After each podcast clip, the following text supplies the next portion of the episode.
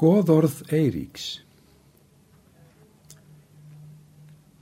Þú neftist í bönd fyrir blinduðum heimi, en bælir þig helþögn, svo jörðin þér gleimi, skaut fold með glidljósa gull yfir kvarmi, sem grófst vorar hetjur í naflausar moldir.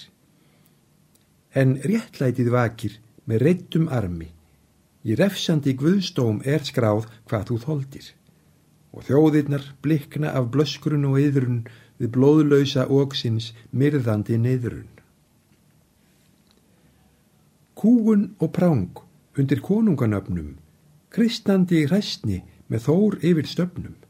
Þar vísindin leppuðu landsþjófsins stáðir, á lámörkum glæpa og jarneskrar eimdar.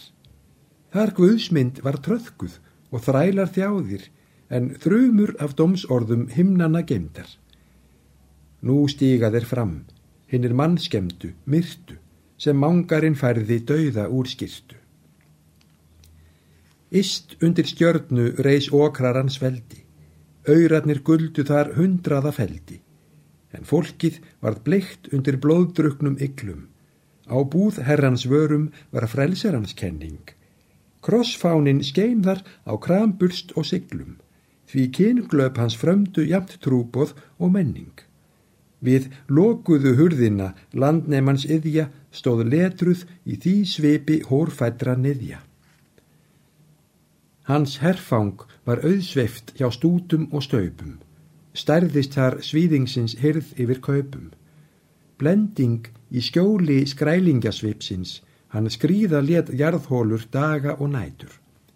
Og selst var til húðfatsins, síðasta greipsins, er sveltandi, skjálfandi aumingin lætur.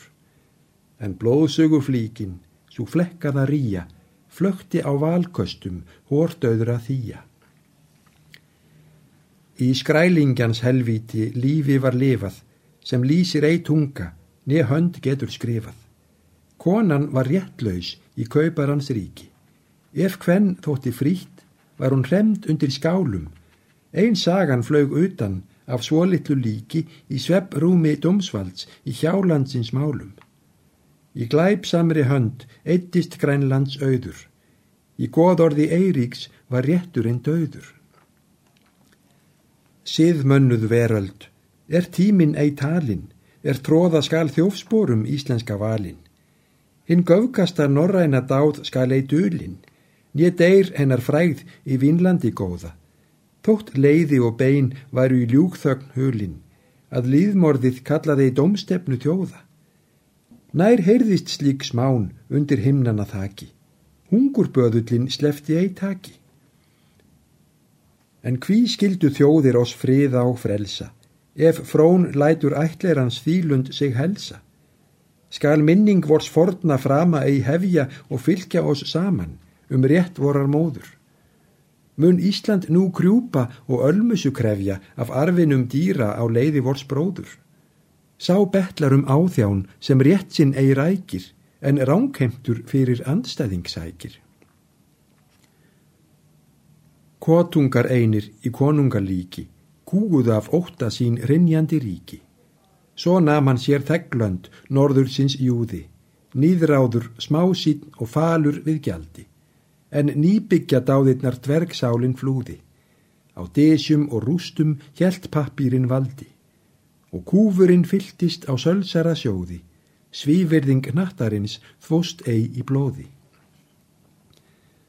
Volduga Bretland, vor vörn og vor granni, vak yfir norðursins óðali og manni.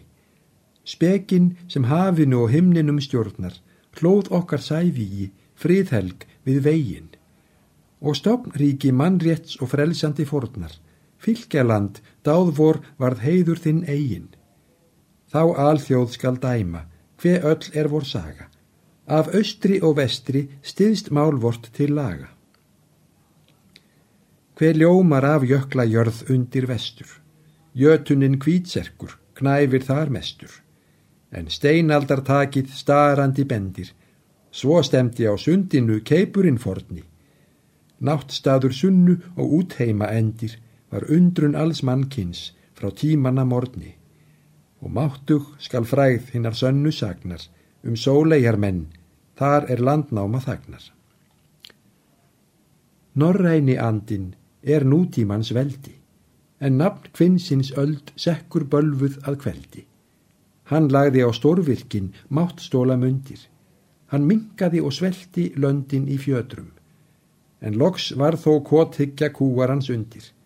Hann kröyp fyrir sögunar dómi í tötrum og hitti sig sjálfan, þar sunnar dregur. Já, söður, ei út, liggur kramarans vegur. Finnst ósnortin taug í íslensku hjarta um örlög þín harmaland mikla og bjarta. Af nornana þráðum er eining vor ofinn, með oss skaltu frændhauður dvelja í lögum. Að skertum þeim hlut er vor heimsfriðun rofinn og hafbryggjan norræna mikla úr sögum. Nei, eigja lög skína í rýsandi róða, þar ríkja skar námhugi íslenskra goða.